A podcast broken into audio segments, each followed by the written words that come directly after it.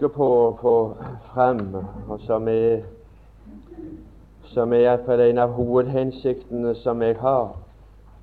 Med det som jeg ønsker å få frem i timene, det er altså å lære oss mest mulig kjent med den sanne Gud, og gjøre oss kjent med Han sånn som Han i sannhet er, så at vi ikke tillegger Gud egenskaper som Han ikke har, og tillegge Han ting og handlinger som Han ikke gjør, men at vi lærer Han å kjenne i sannhet og i denne timen skal vi lese fra 1. Korintiabrev, det 13. kapittel. Og vi leser det fjerde og det femte vers. Det fjerde verset Ja, fjerde og femte vers. 1. Korintiabrev, det 13. kapittel, det fjerde og femte vers.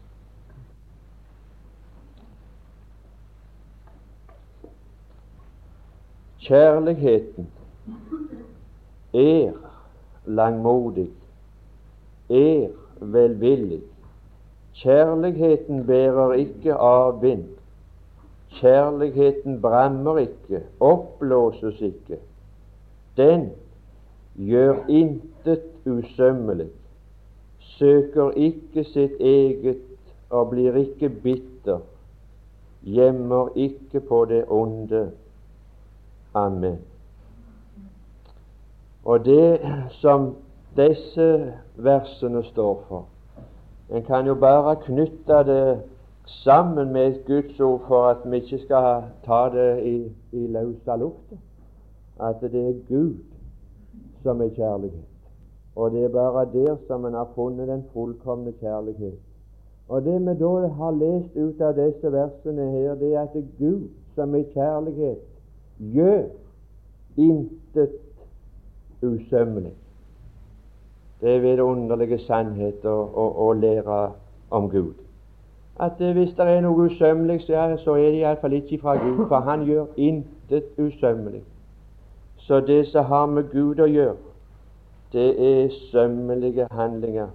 Og det var noen av de som jeg leste om her, som jeg hadde lyst å prøve på å legge trykk på, så det kunne gjerne hefte seg i vårt sinn og, og, og, og løse gjerne opp noe som er vondt i sinnet vårt og i tanken vår, som kunne frigjøre oss. For det er bare sannheten som har den evnen til å sette oss i fri. Vi kan ikke frigjøre oss sjøl. Jeg kan ikke frigjøre meg med å bestemme meg med å være fri. Det må være et ord ifra himmelens Gud som setter meg fri. Og her er det sånne ord. Og det første som vi her leste om, og som jeg vil ta noen punkter om, det er at kjærligheten er langmodig, sto det. Slik er, Gud. Gud er langmodig. Han skal ikke gjøres til det. Ingen skal ha noe strev med oss å påvirke Gud, og så, og så få han slik. Men slik er han, og slik har han vært, og slik kommer han til å bli. han. Det er ingen forandring hos Gud. Han er langmodig. Og hva det betyr, og hva det har hatt av praktisk og daglig betydning for mitt vedkommende, det kan jeg ikke få gi uttrykk for her. Men eh, når jeg leser nå noe for deg, og stanser noe for deg, så, så vil du kanskje bli enig med meg at dette var, dette var noe som var godt, at Gud er sånt. Og så ikke bare at det er sånt, men det, det, det sømmer seg for Gud å være sånn. Det ville vært usømmelig for Gud å være annerledes enn det. Han er langmodig. Det er ikke en sånn hissig propp sånn som jeg og du er. Det tar ikke sånn snart slutt på, på tålmodigheten som det gjør hos oss, hos meg og deg, hos Gud. Det er noen som forakter den langmodigheten, men nå skal jeg lese et vers i Romerbrevet, det andre kapittel og det fjerde vers. Det er effektive saker at Gud er slik. Det har kommet mange til gode at Gud er slik. Og det var ennå fremdeles Og jeg skulle ønske det at det var noen som lærte Gud å kjenne slik under under disse dager som er sammen òg. Guds godhets og tålmods og langmods rikdom. Jeg kan jo snakke om uransakelige rikdom. Jeg skulle lure på om noen, om noen kan, lodde, kan lodde den rikdommen. Den som driver til omvendelse. Slik er Gud. Det er noen som forakter det, at Gud er langmodig.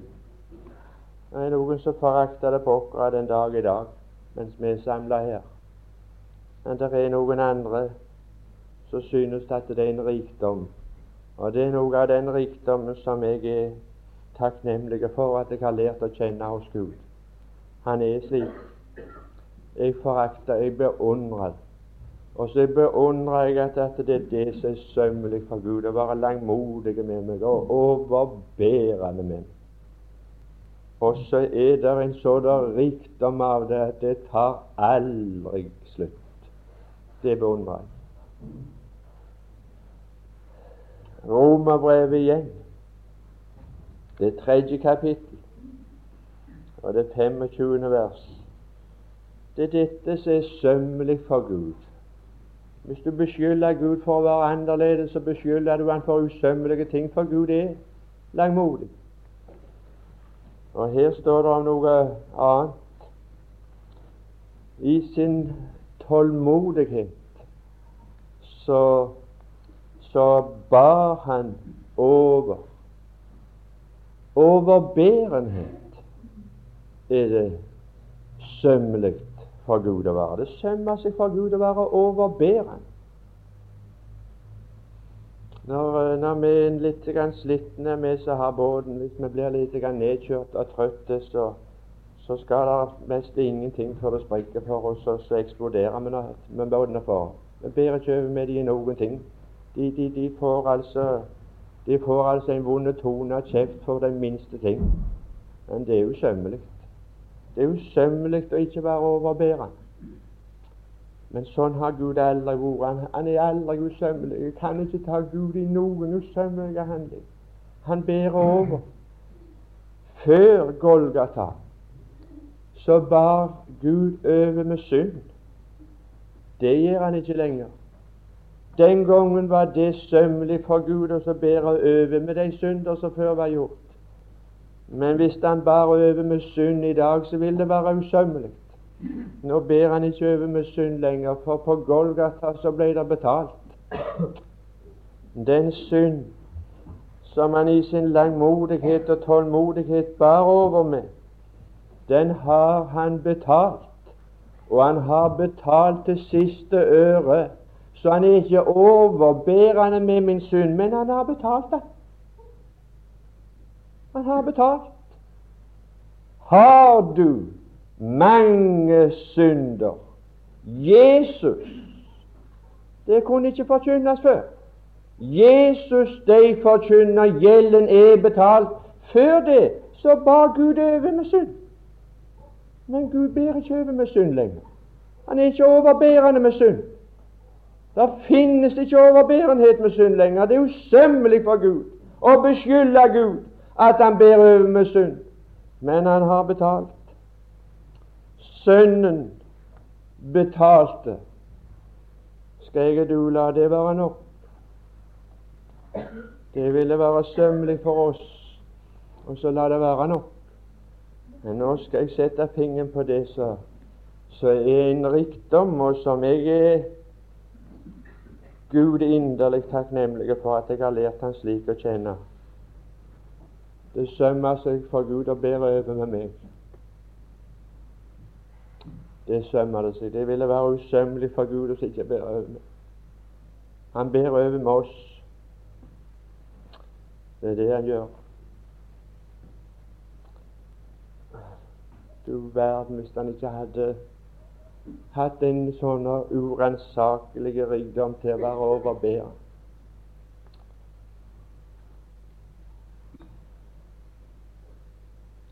Hvis du skal kunne være sammen med et annet menneske, så må det overbærenhet til. På grunn av at det er så mange feiler med oss. jeg har ikke hatt bruk for i de årene som jeg har bekjent meg for å være frelst og bære over med Gud. For det ingenting å bære over med der. Det er ingen feiler der, og ingen svikt. Men det er Han som har hatt bruk for å ha den egenskap å kunne bære over. Og slik er Gud. Han er langmodig, og så kan han berøve. Så, så det sprekker ikke så snart der som du tror. Det er usømmelig å tillegge Gud slike menneskelige egenskaper at han er, at han er snarsint og, og er så lett å fornærme at nå er det slutt. Det er ikke så lett. Nei, han er annerledes. Jeg er så glad for at Gud er annerledes, at det ikke er en menneskelig Gud jeg har. Han er ikke slekt med, med, med det der falne mennesket. Han er skilt, og han er opphøya. Og det som han er, det sømmer seg for Gud å være slik. Det er den sanne Gud. Enda en tredje ting vil jeg bare få peke på. Det er mat. Du verden det har aldri vært sånne store matformer som det har vært kanskje dette år. At han er slik. Romerbrevet, det niende kapittel og det 22. vers. Er du interessert i hvor stort det er?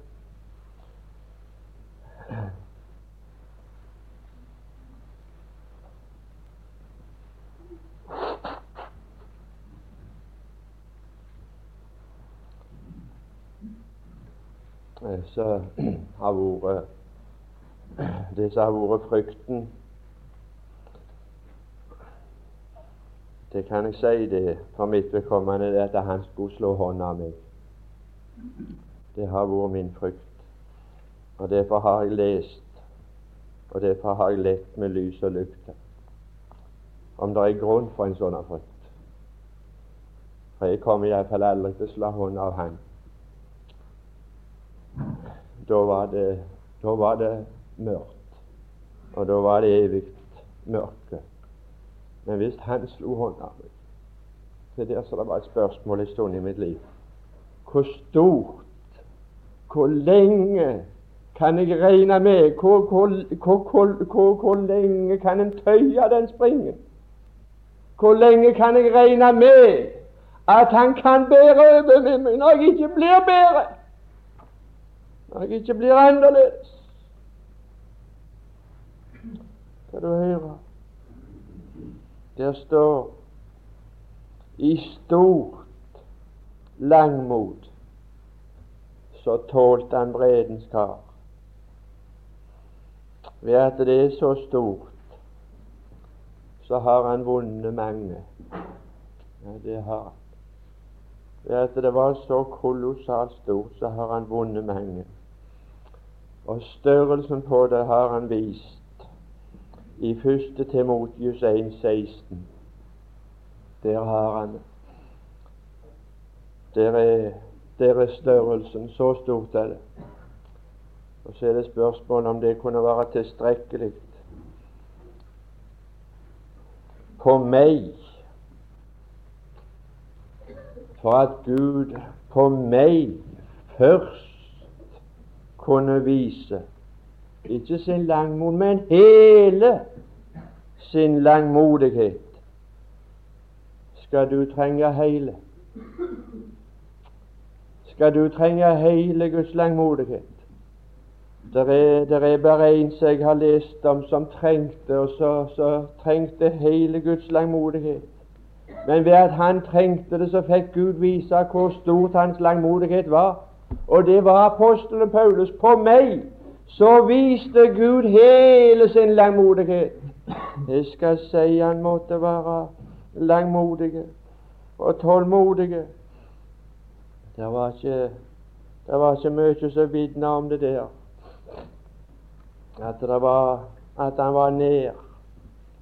Den dagen han ble frelst, så fnyste han av raseri. Hans natur var som hun er av fødselen, med født fiendsk imot Gud.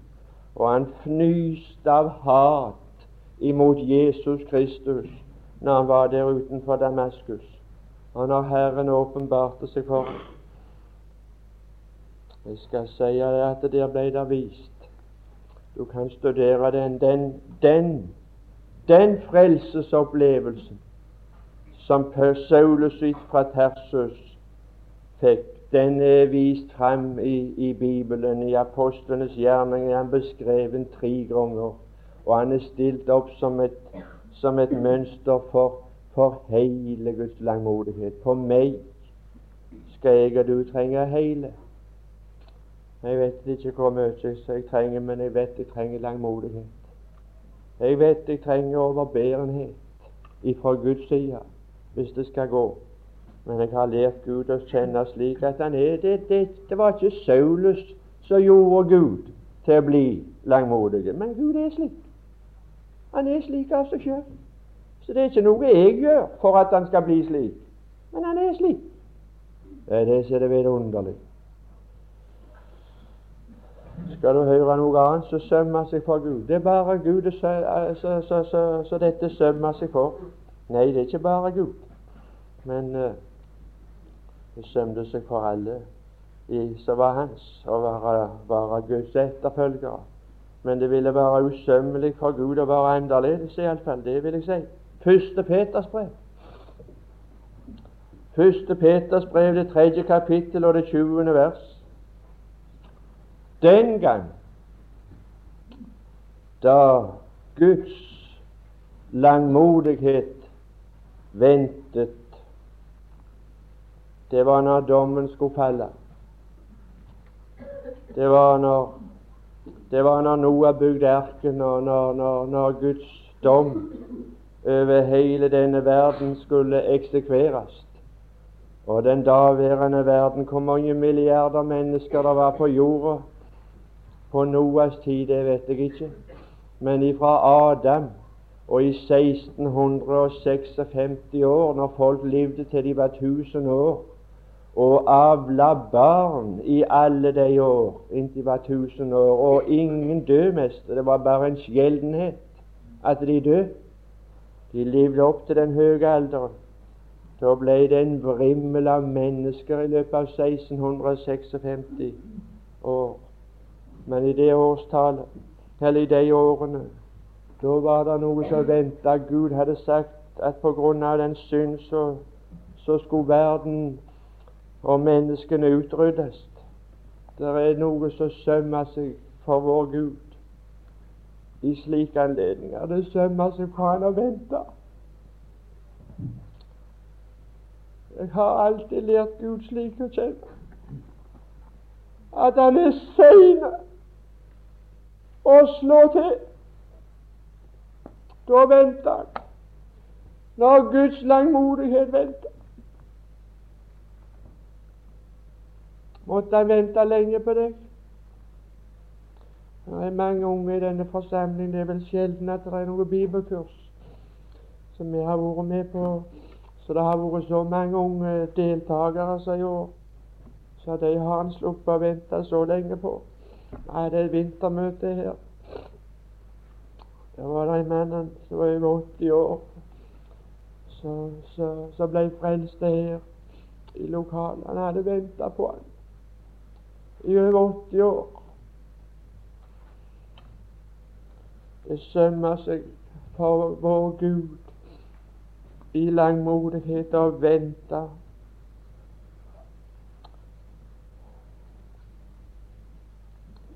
Det er noe som du vil finne alltid i forbindelse med Gud.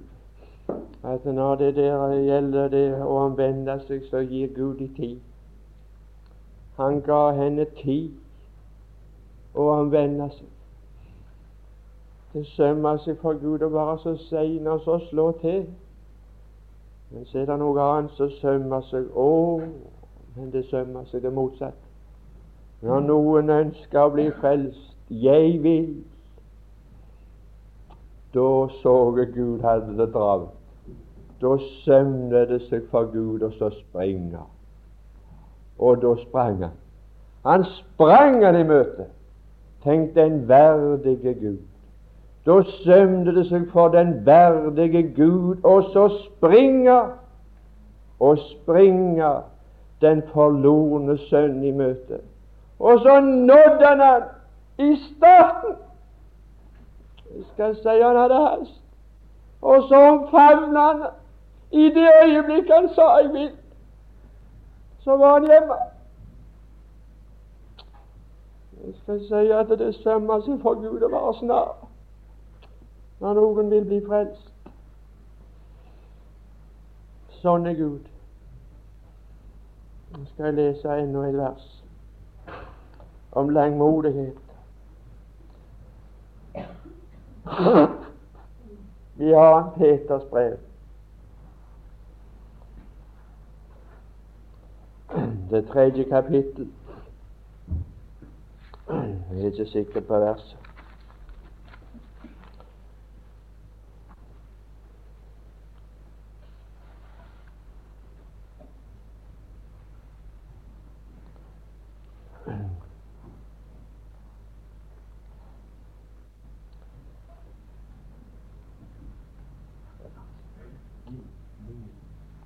Det er det. Ja, Herren er ikke sen med løftet, således som noen akter det for senhet, men han har langmodighet med eder. Det er vidunderlig å lære Gud å kjenne slik at han har at han har. Jeg skal slippe å be han om å ha. Han har er ikke jeg som påvirker Gud til å være langmodige med meg, slik som jeg har sett noen bønner i Bibelen som ber. De ber til en Gud som de ikke kjenner, og så sier 'Å, vær langmodig med meg'. Gud, han er langmodig. Han skal ikke gjøres langmodig. Han er. Han skal troes. Det er det eneste. Det er bare et eneste spørsmål. Han har. Og han har langmodighet med oss. Akt 2. Peters brev 3.15. Og gi akt. Jeg har stått på linja, det er ikke mye det. Første gangen jeg ble innkalt, så, så var det så tidlig etter krigen at de sendte meg til Kongsberg på skoghogst i tre måneder i plassen for å gå på eksis. Og så andre gangen jeg ble innkalt, når de de fikk bedre bruk for folk, så, så fikk de utsettelse, og så slapp jeg. Og så havna jeg i Heimevern. Der er det mildere former eller, eller der er i det militære. Men det er iallfall en kar som står frem på, på linja. Og jeg skal si at vi fikk oppleve det en gang, altså, at det var, det var en annen daldus enn de ringte med. For det var nokså mye slendrian blitt der i den gjengen vår. Det var der. Og så var det en som kom ned og skulle holde straffeeksis med guttene. Og jeg skal si det at når han ropte bare ut de ordene 'gi akt', stakkars den karen som ikke hørte etter. Stakkars den karen som ikke, som ikke da fulgte med, hva som da ble sagt. Så da ble en som ikke gjorde det som skulle gjøres når det gaves ordre etterpå.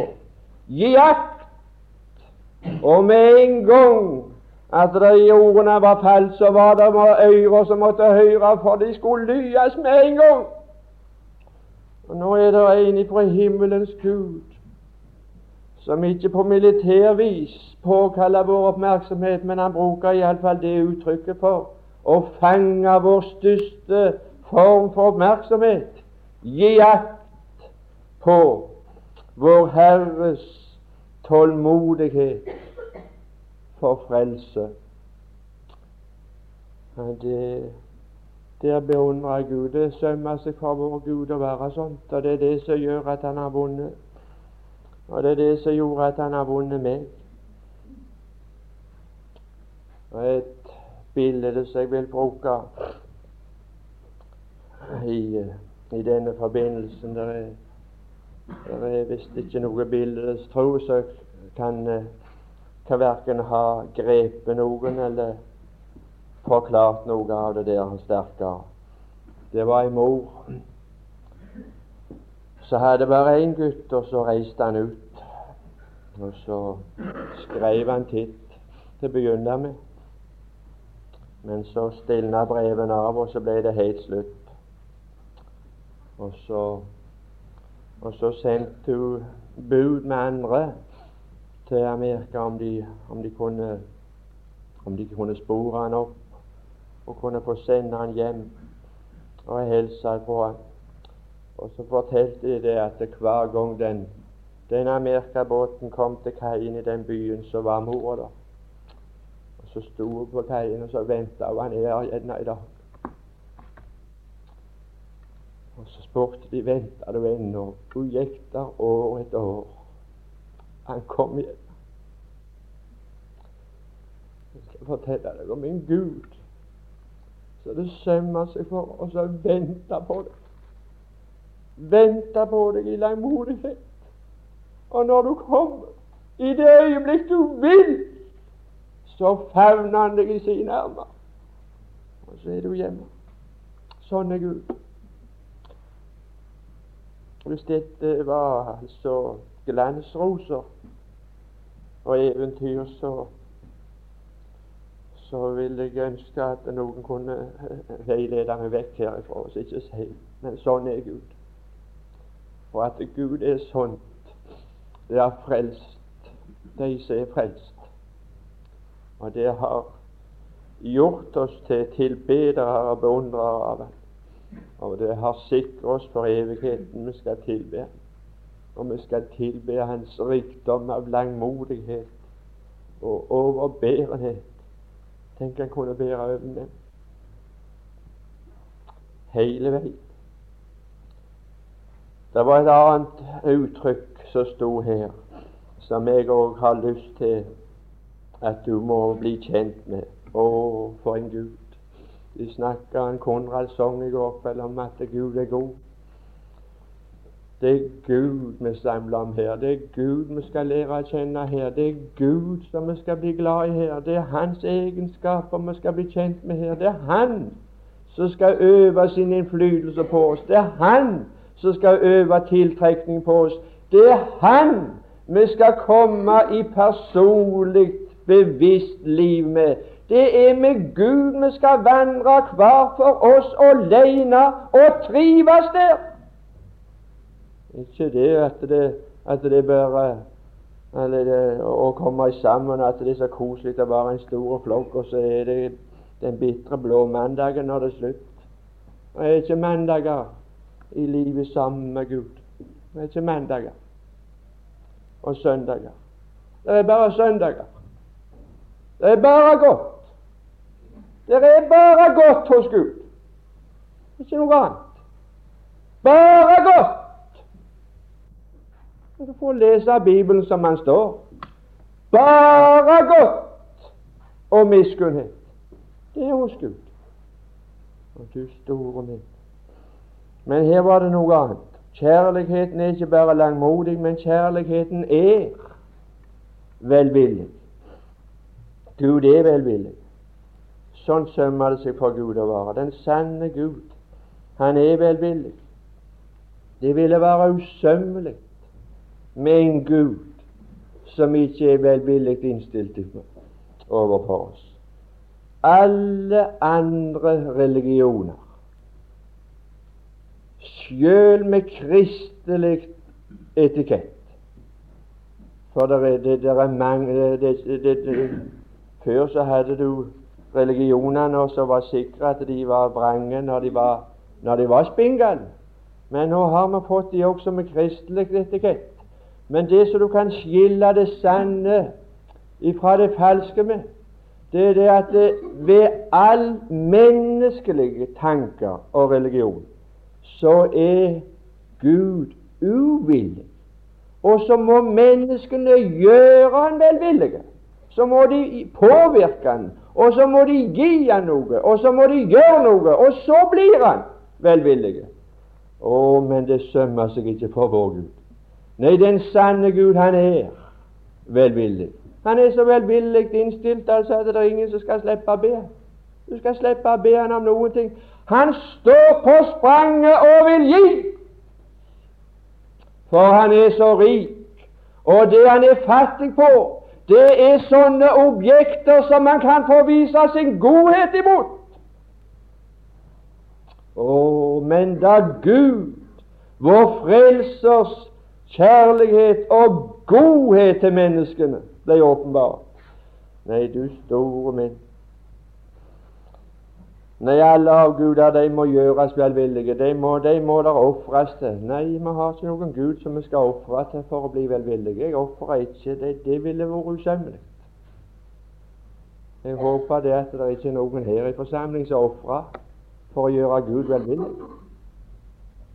Det gjør de i de hedenske religioner, men det er dessverre noen av, de, av det hedenskapet som kommer inn i kristendommen òg. Det er mange som ofrer til Gud for oss og gjør Han velvillig. Hvis det nå gir kraftig der, så, så kanskje han blir velvillig innstilt, og så smiler han til meg. Og hvis jeg nå gjør det og det, så, så, så, så, så blir vi gode venner. Så formidler jeg han. Å, det er ikke på den måten. Jeg skal bare prøve i noe i disse minuttene som er igjen, å påkalle oppmerksomheten på noe som beviser for oss hvor velvillige Gud er, uten at noen har beveget han på forhånd. Kan tenke da bare på den lille Bibelen, om vi ikke hadde større Bibel enn den lille. Johannes 3, 16, så står det at, at det så elsket Gud. Hvem var det han elsket så? De som fra til. Var det de han ble så glad og var så glad i? Så elska Gud verden at han ga, og at han ga dem sin sønn. Det var ingen som bevegde Gud til å gi. Det var ingen som var ute og tigga han og ba, og langt ifra. Og det var ingen som bevegde han og formildte han. Men kjærligheten er Gud er velvillig ifra evigheten av. Og Gud elsker oss ifra evigheten av. Det er det som er. Og ingen Nå skal jeg si noe. Å, men om vi kunne få om vi kunne få det til å høre det der, og der, så kunne det være mye av mørket som kunne forsvinne fra ditt sinn for alltid. Ingen i denne verden kan si 'jeg vil, men jeg kan ikke'. Det er et djevelens bedrag. Men alle kan si at hvis du vil, ja, så kan du bli frelst. Det er det som er det vidunderlige med det. For Gud vil. Det er det som er. Og Han er velvillig. Du skal slippe å gjøre noen ting. Ingen, aldri en eneste sjel i denne verden, samme hvordan han er, skal kunne si at jeg vil, jeg vil gjerne være frelst, men jeg kan ikke. Det ville vært usømmelig for Gud å være slik at han ikke kunne frelse de som ville bli frelst. Men vil du bli frelst? Den som vil, han kan. Han kan ta. Han kan. Han kan ta. Og han kan ta livsens vann uforskyldt. Er du stor min for en Gud. Sånn er Gud. Og det er ikke for det altså at jeg har påvirket han til å være så velvillig imot ham. Men sånt er han av seg sjøl. Det, det er hans vesen. Jeg kan ikke hjelpe for det, men han er glad i det. Og det kommer meg til gode. Og den dagen jeg kom til troen på at Gud er slik, så begynte jeg å elske han litt igjen. Så var det gjort. For det var her det var noe galt. Gud har aldri vært min fiende, men jeg har vært Guds fiende. Men da han begynte å elske meg, og jeg så det, at jeg var gjenstand, så begynte jeg knyttnevene og så løsna. Og så, så ble det forandring i hjertet, og sinnelaget ble annerledes imot ham. Og så begynte jeg å elske han igjen. For han er elskverdig. Men jeg har store problemer. Og jeg må si at mens jeg lå på sykehuset et par dager, så var det lite grann problemer med å kunne tro og hvile i at Han elsker meg sånn som jeg er. Men jeg tror det, skjønt jeg fatter ei at Han elsker syndere som meg. Nåde at Han fant meg. Det var én ting. Men hvis det skulle vært tvang, at han tok meg og lenka meg til seg, så ville det vært grusomt. Men det var noe annet. Det var kjærlighet som vant meg. Det er frivillig. Frivillig av hjertet. Når du leser om, eh, om eh, beretningen om, om han som falt iblant røvere, så var det en som hadde en tittel. Og det var en som hadde tittel av å være prest. Han hadde et bondemandat. Han kunne ikke gjøre som han ville. Den presten han var avhengig før han kunne gi hjelp. Han var avhengig fra den mannen at han hadde noe å ofre. Hvis han var rik, så måtte han ha mye å gi. Du kan lese i Tredje Mosebok om det at hvis en mann er rik så kan han gi, og har synder, så kan han gå til presten med et offer, med et dyr. Og så kan han be presten ofre det dyret, og så får han forlatelse for sin synd. Og hvis han ikke er rik nok til et dyr, så kan han, så kan han, ta, så kan han ta to turtelduer. Så og de kan han kjøpe hvis han har anledning til å kjøpe. De er billige. De var billige. Og, og var han følelig til det, så kunne han fange de sjøl, om han ikke hadde penger. Men han måtte ha de for for å gi presten noe hvis han skulle være han til hjelp. Men denne mannen som var falt iblant røvere, han hadde ingenting. Så presten han kunne ikke hjelpe han, for det var ingenting å ofre. Og så var det for aldeles utfattelige folk, hvis han ikke var såpass en gang at han hadde turtelduer, eller kunne fange turtelduer. En tiendedel av en efa fint mel kan gå an. Så kan han bringe det til presten, så kan han ofre det, og så får han forlatelse for sin synd. Presten var avhengig av at synderen hadde noe å gi. Men denne som presten den dagen så, det var et håpløst tilfelle, for han lå bevisstløs, og han var avkledd, han var falt iblant røvere, han hadde ingenting. Og presten kunne ikke hjelpe han om han ville. Han måtte gå forbi. Likeså levitten. Han var også avhengig. Han hadde en tittel. Og titler begrensa. Den tittelen levitt begrensa. En levitt er en som tar tiende. Det er ikke nødvendig å være rik for å gi 10 men du må ha noe å gi tiende av. Men denne hadde ikke ti øre å gi ti prosent av. Han var tatt ifra alt. Det var et håpløst tilfelle for levitten. Han måtte. Det var ikke menneskekjærlighet som svikta, men han måtte, for han hadde en tittel. Og han måtte gå han forbi. Han hadde ennå en.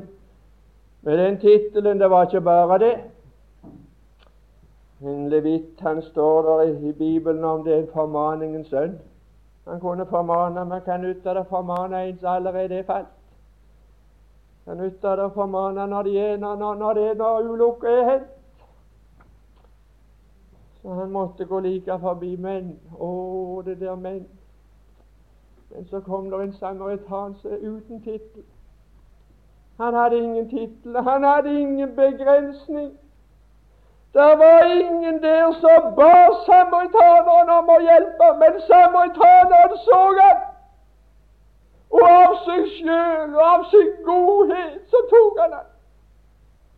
Det var en som søkte meg lenge før jeg søkte ham.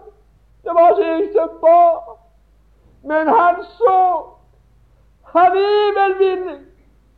Og om du kommer til troen på Gud.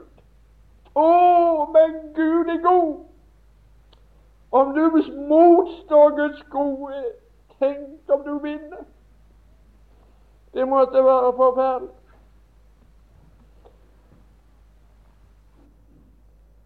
Det sømmer seg for Gud. Det sømmer seg for Gud å være uten tittel, uten begrensning. Og han ser sjøl. Nå skal jeg lese et vers.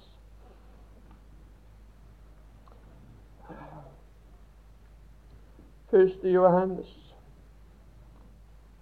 tredje kapittel. Hun har lært noe av det.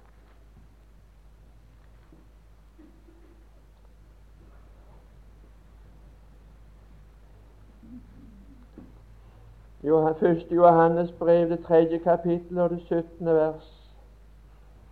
Men den som har Her er det noe som ligner på, og det er, det, det er noe troende han skriver. Her er det verdensgods men her står det ikke Men den som har verdens gods, når de ber og, og presser deg til det ytterste, så må du, så må du gi mye. Nei, her står det noe om den som har verdens gods og ser sin bror ha trang, så venter han ikke på til noen ber han om hjelp. Men det faller dom og det faller skyld over denne når han har og ser og lukker sitt hjerte. For han er kommet i selskap med Gud.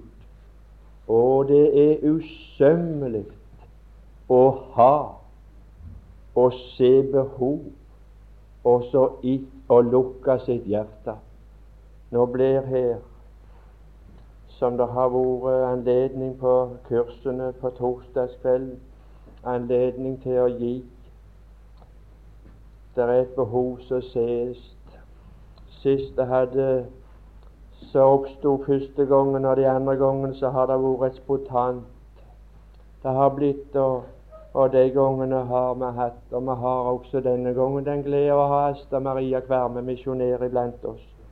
Og den gangen ble, ble uh, ble det ventilen gitt den veien. Denne gangen kom det et presterende behov etter seg forstår. En melding om et behov i Hongkong som er så akutt. Så en ser det ingen som er bitter oss det. Men det er noe som en ser, og så vil det være med å forsøke oss å hjelpe der. Ikke lukke vårt hjerte. Så håper jeg det, at bare ved å se det, det er ingen som kommer til å tigge penger her på torsdagskvelden.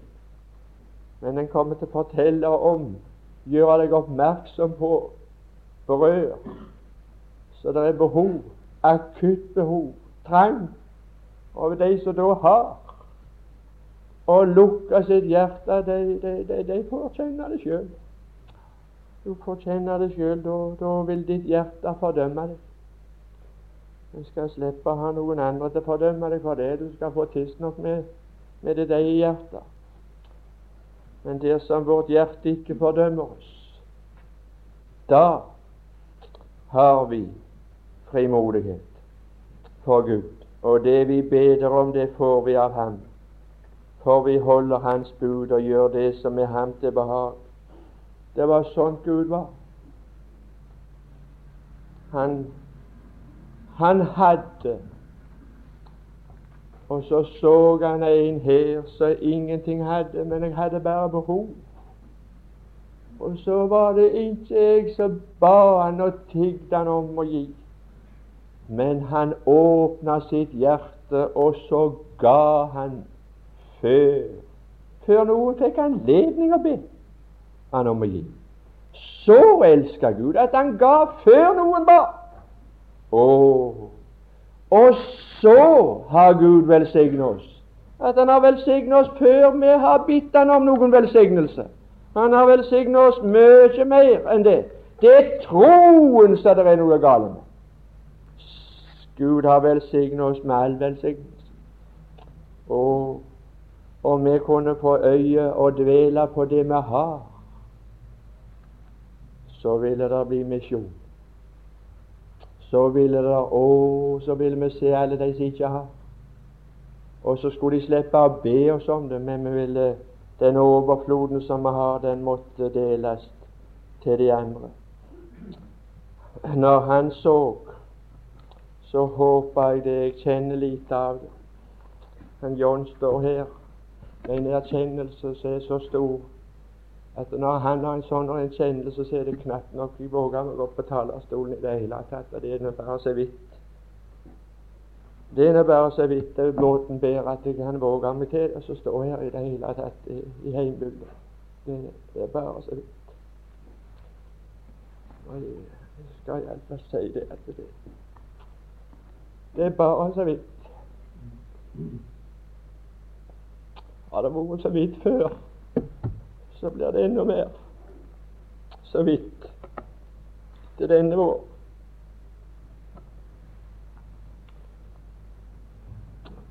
Det var ikke bare å ha disse toppene på talerstolen, men i all vår ferd. De vet det. De vet hvordan vi er. Er hverdags.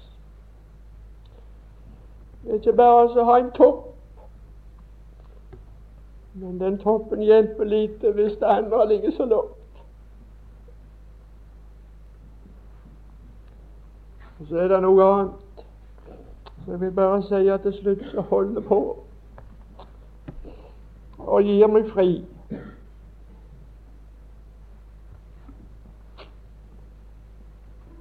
Det var det var noen som talte, så Herren sa til Jobb de har ikke talt rett om De har ikke talt rett om Det er ikke bare å tale, men det skal tale således så det sømmer seg for Gud. Det skal være rett. Gud i himmelen, for et ansvar jeg har dratt på med alt jeg har sagt som ikke måtte være rett. Ikke mange bli taler eller lærer eller hva det er, for de skal få deres tyngre dom. Ikke bare før det er skjelving, men det skjelver mer etterpå. Var det rett? Fader,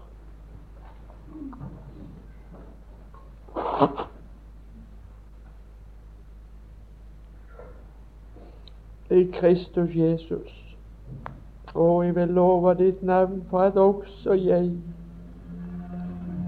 fikk være med. Og jeg vil få lov å takke deg for at jeg har fått lov å lære deg å kjenne i livet på en sådan måte. Du har fått gjort deg kjent sånn som du er. Så jeg elsker deg igjen. Du vet alt. Jeg vet det er folk her på oss som kjenner meg, og du skulle ikke, de skulle ikke tro at det er sant, jeg sier.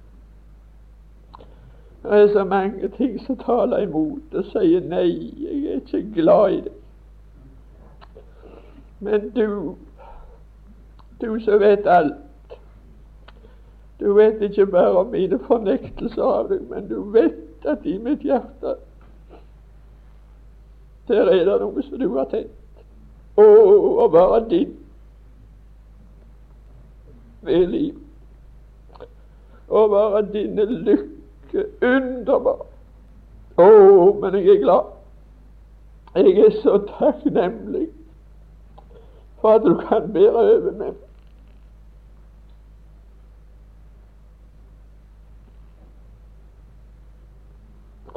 Mer enn noen gang før. Det blir det viktigste når siste øyeblikk og siste sekund i denne verden kommer, enten det er ved døden eller det er ved bortrykkelsen, det er overbærenhet jeg må ha. Å, gi akt på vår Herres langmodighet til frelse. Herre Jesus, skal han få lov å lære deg å kjenne her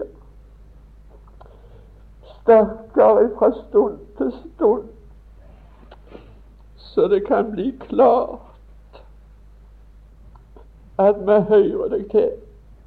Amen.